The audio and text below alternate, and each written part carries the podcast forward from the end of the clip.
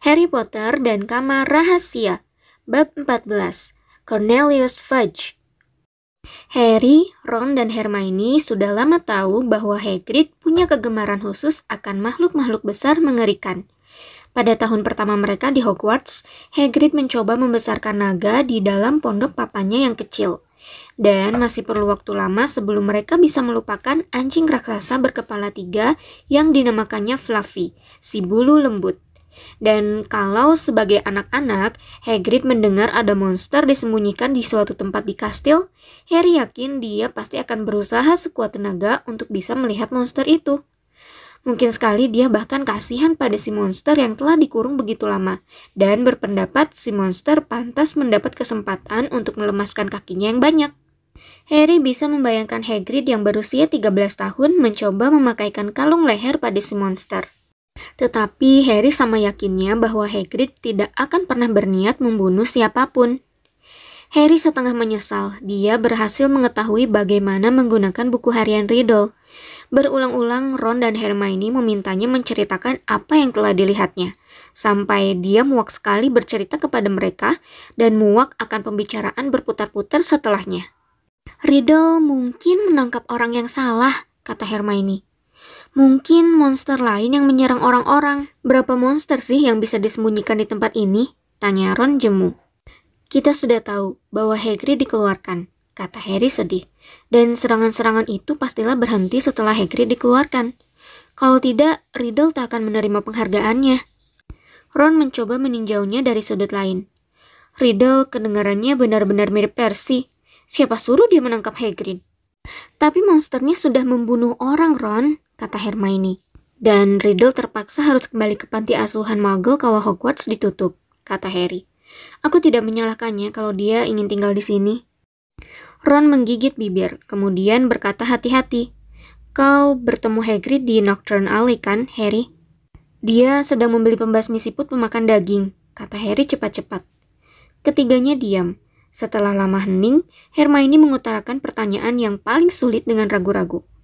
Apakah menurut kalian sebaiknya kita pergi menanyai Hagrid tentang semua ini?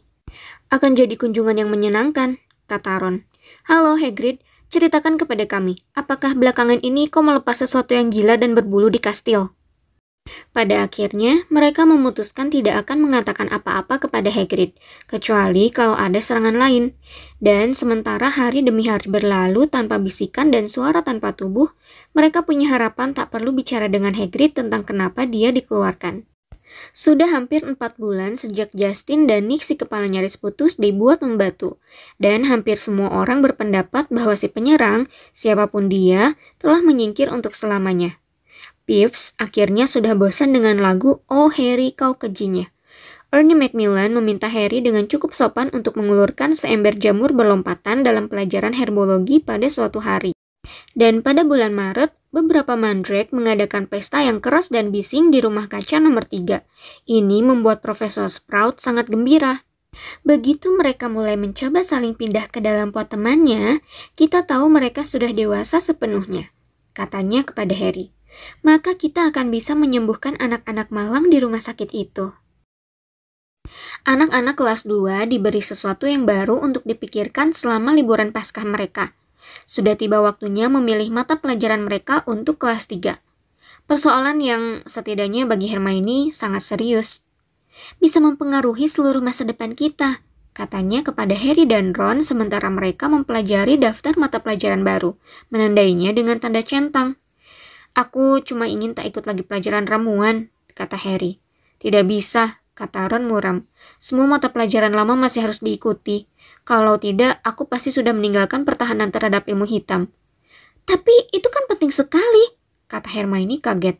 Tidak, kalau Lockhart yang mengajar, kata Ron. Aku tidak belajar apa-apa dari dia, kecuali jangan melepas fiksi. Neville Longbottom dikirimi surat oleh semua penyihir dalam keluarganya. Semua memberinya nasihat yang berbeda-beda tentang apa yang harus dipilih. Cemas dan bingung, dia duduk membaca daftar mata pelajaran dengan lidah terjulur, menanyai anak-anak apakah menurut mereka aritmensi kedengarannya lebih sulit daripada rune kuno. Rune adalah huruf-huruf alfabet kuno yang digunakan di Eropa Utara sekitar abad ketiga sampai ke-13.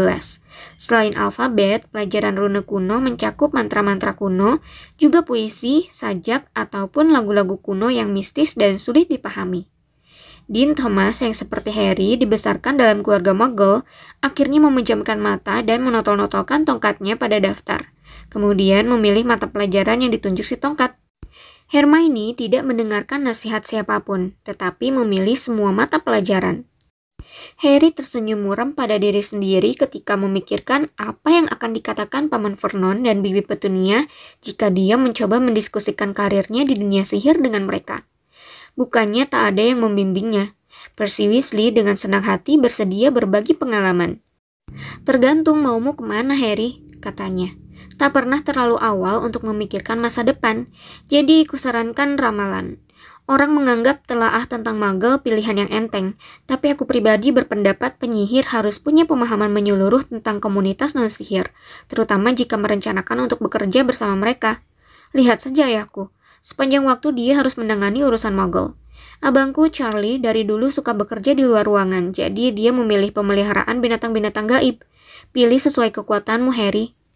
Tapi satu-satunya yang menurut Harry benar-benar dilakukannya dengan baik hanyalah Quidditch. Pada akhirnya dia memilih pelajaran-pelajaran baru yang sama dengan Ron. Dengan perhitungan kalau dia tidak bisa mengikutinya, dia punya teman yang baik untuk membantunya. Pertandingan Quidditch berikutnya bagi Gryffindor adalah melawan Hufflepuff. Wood memaksa timnya latihan setiap malam sehabis makan, sehingga Harry nyaris tak punya waktu kecuali untuk Quidditch dan mengerjakan PR.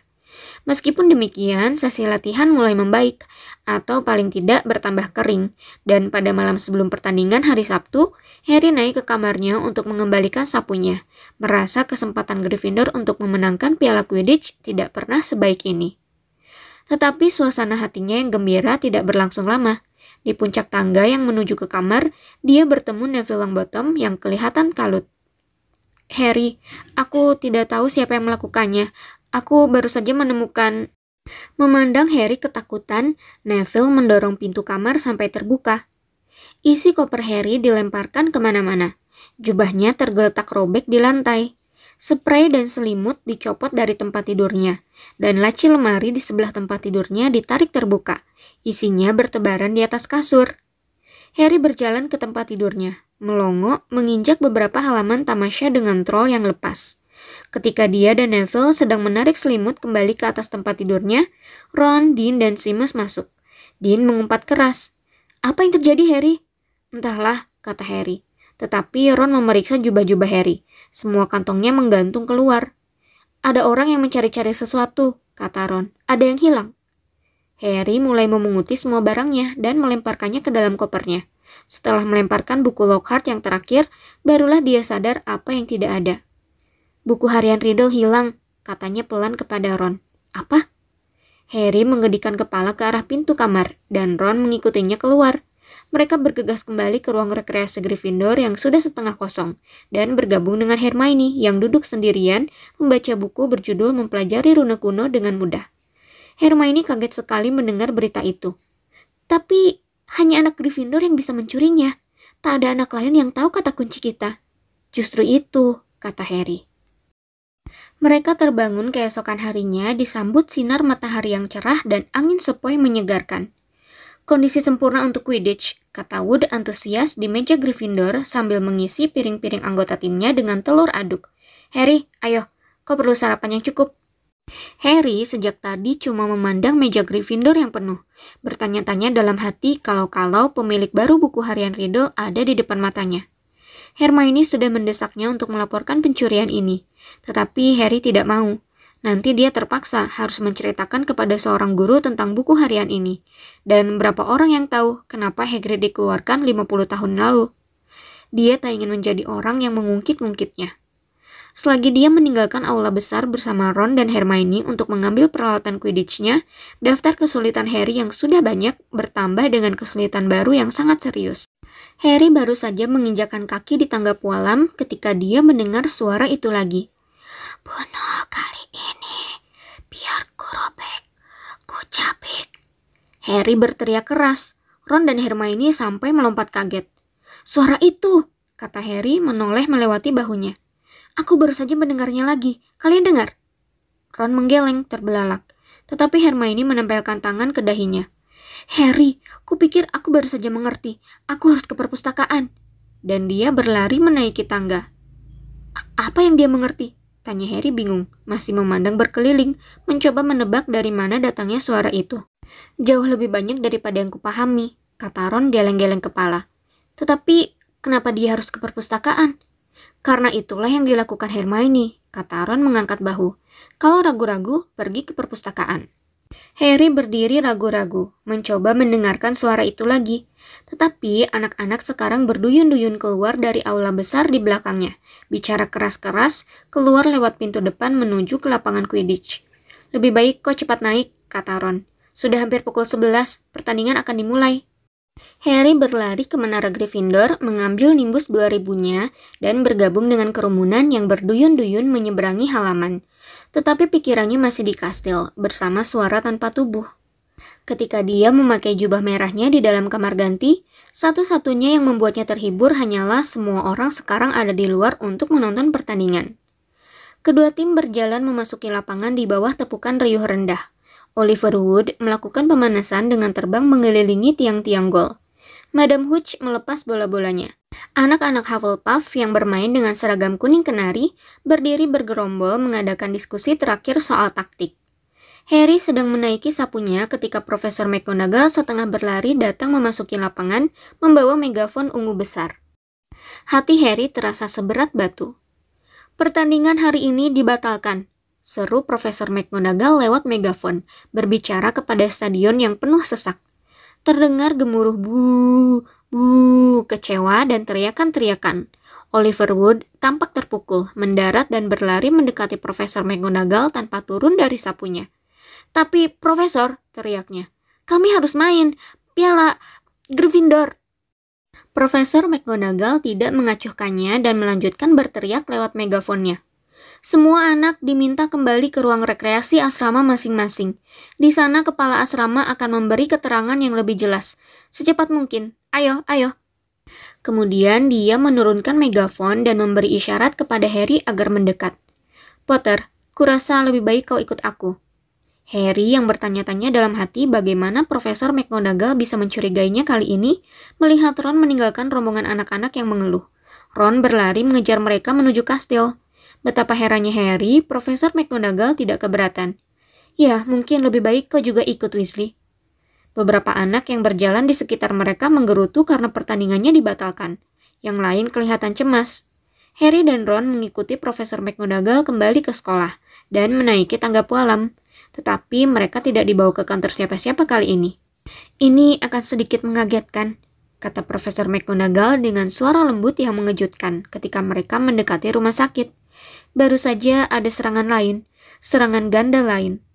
Organ-organ dalam tubuh Harry serasa berjumpalitan. Profesor McGonagall membuka pintu dan Harry dan Ron masuk.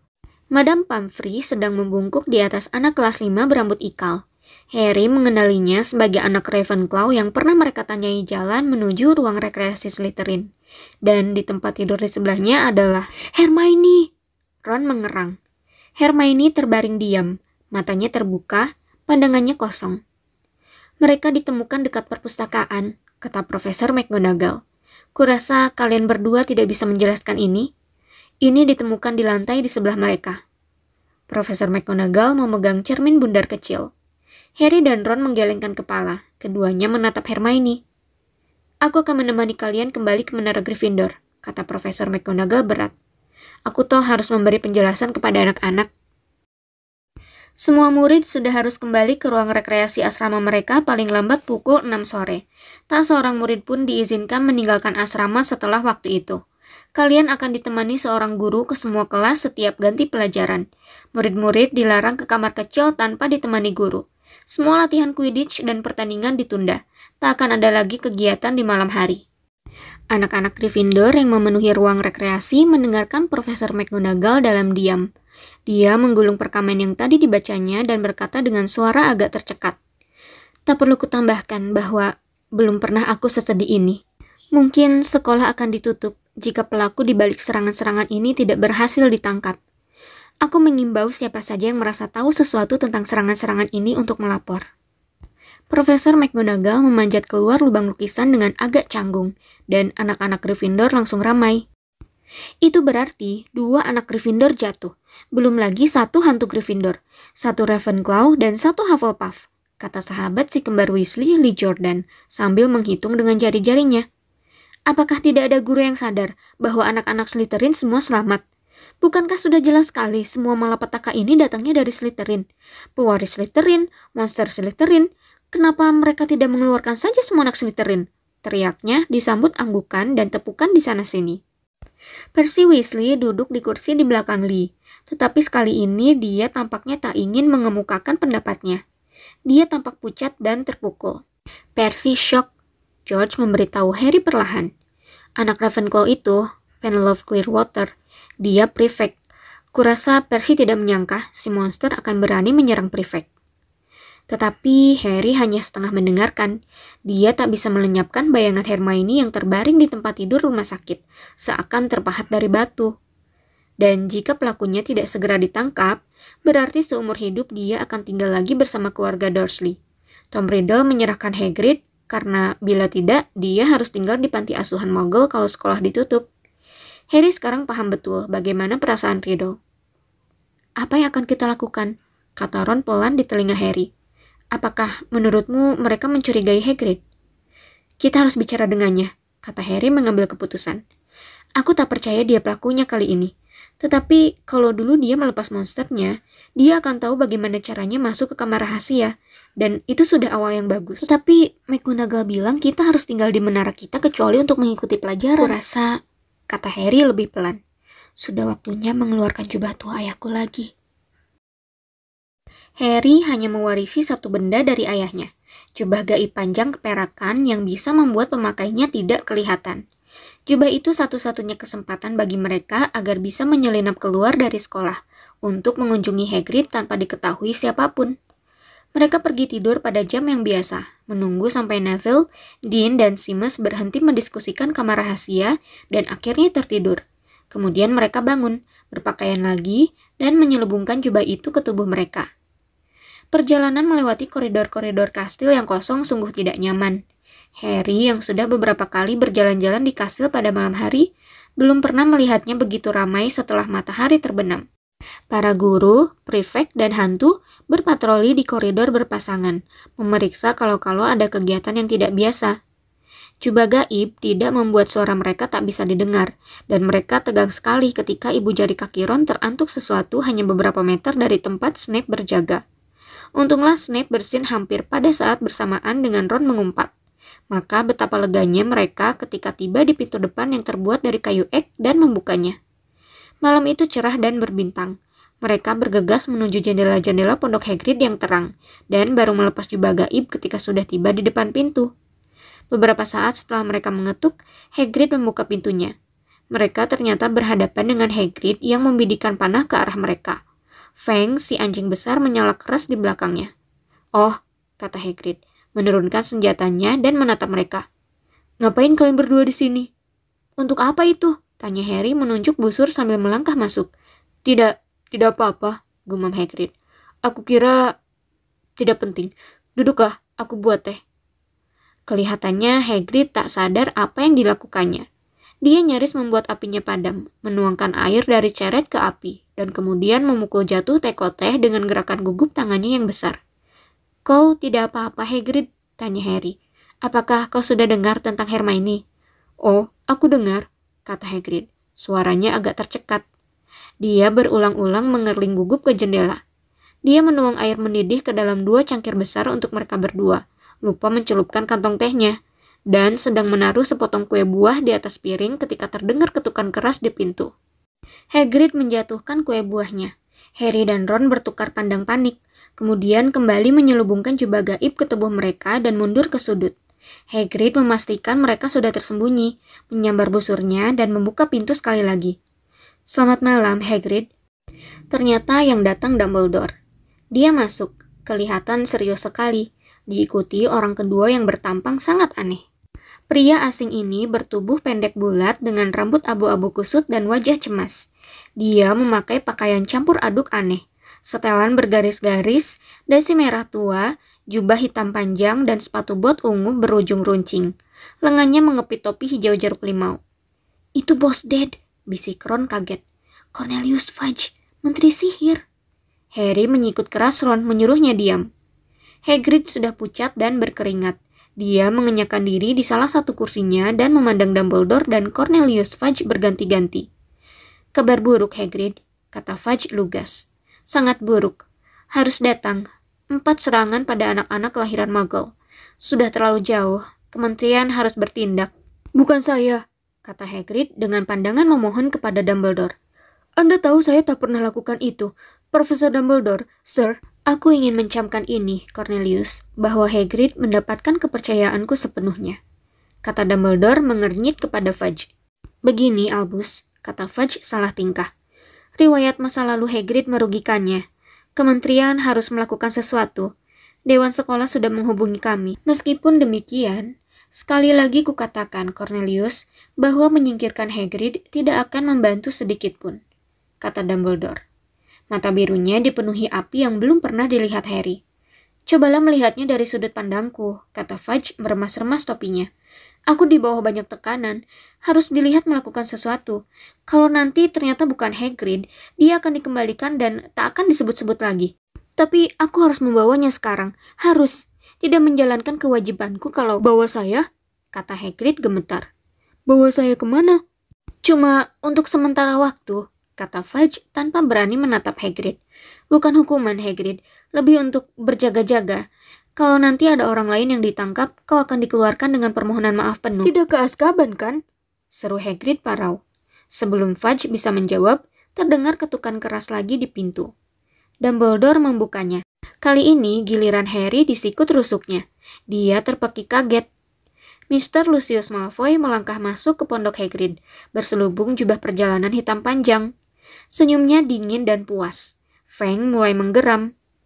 Sudah di sini, Fudge? Katanya senang.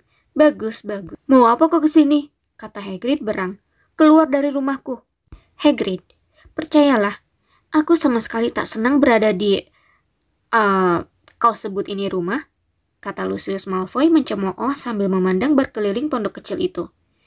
Aku tadi mampir di sekolah dan diberitahu kepala sekolah ada di sini.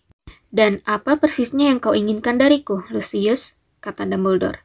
Dia bicara dengan sopan, tetapi api masih menyala-nyala di mata birunya. Hal yang sangat tidak enak, Dumbledore, kata Mr. Malfoy santai, mengeluarkan gulungan panjang perkamen. Tetapi Dewan Sekolah merasa sudah waktunya kau menyingkir. Ini perintah penskorsan. Kau akan menemukan keseluruhan 12 tanda tangan di sini. Kami merasa kau sudah kehilangan sentuhanmu. Berapa serangan yang sudah terjadi? Dua lagi sore ini kan?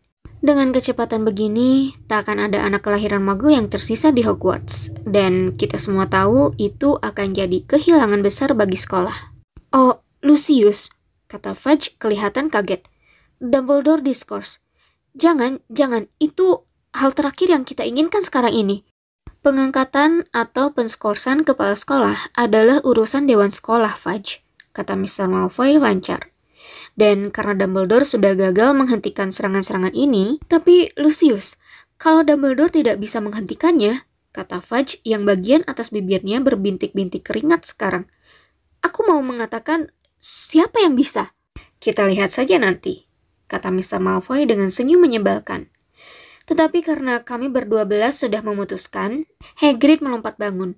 Kepalanya yang berambut lebat aut-autan menyentuh langit-langit. Dan berapa yang sudah kau ancam dan kau peras sebelum mereka setuju, Malfoy? Huh? Raung Hagrid.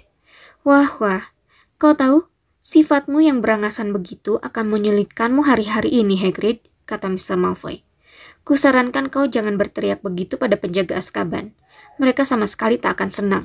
Kau tak boleh ambil Dumbledore, teriak Hagrid membuat Fang meringkuk dan merintih di keranjangnya. Bawa dia pergi, dan anak-anak kelahiran Muggle tak punya harapan sama sekali. Berikutnya akan terjadi pembunuhan. Tenangkan dirimu, Hagrid, kata Dumbledore tajam. Dia menatap Lucius Malfoy. Kalau Dewan menginginkan aku diganti, Lucius, aku tentu saja akan mundur. Tapi gagap Fudge. Tidak, geram Hagrid. Dumbledore tidak mengalihkan matanya yang biru cemerlang dari mata Lucius yang dingin abu-abu. Meskipun demikian, kata Dumbledore berbicara sangat lambat dan jelas, sehingga tak seorang pun dari mereka tidak menangkap semua ucapannya. Kau akan tahu bahwa aku hanya akan benar-benar meninggalkan sekolah ini kalau sudah tak ada lagi yang setia kepadaku di sini. Kau juga akan tahu bahwa bantuan akan selalu diberikan di Hogwarts kepada siapa pun yang memintanya. Sejenak, Harry nyaris yakin mata Dumbledore terarah ke sudut tempat dia dan Ron bersembunyi. Sikap sentimental yang layak dikagumi, kata Malfoy membungkuk. Kami semua akan kehilangan uh, caramu yang sangat individual dalam mengatur segalanya, Albus, dan hanya berharap penggantimu akan bisa mencegah uh, pembunuhan. Malfoy melangkah ke pintu pondok membukanya, dan membungkuk mempersilahkan Dumbledore keluar. Fudge gelisah meremas-remas topinya menunggu Hagrid berjalan mendahuluinya. Tetapi Hagrid tetap di tempatnya, menarik napas dalam-dalam dan berkata hati-hati. Kalau ada yang mau tahu sesuatu, yang harus mereka lakukan hanya ikuti laba-laba. Laba-laba akan bawa mereka ke yang benar. Cuma itu yang mau kukatakan. Fudge memandangnya keheranan. Baiklah, aku ikut, kata Hagrid memakai mantel kulit tikus mondoknya. Tetapi ketika dia sudah akan keluar dari pintu mengikuti Fudge, dia berhenti lagi dan berkata keras-keras. Dan harus ada yang kasih makan Feng selama aku tak ada. Pintu berdebam tertutup dan Ron menarik lepas jubah gaib. Kita dalam kesulitan sekarang, katanya serak. Tak ada lagi Dumbledore. Sama saja dengan mereka menutup sekolah malam ini.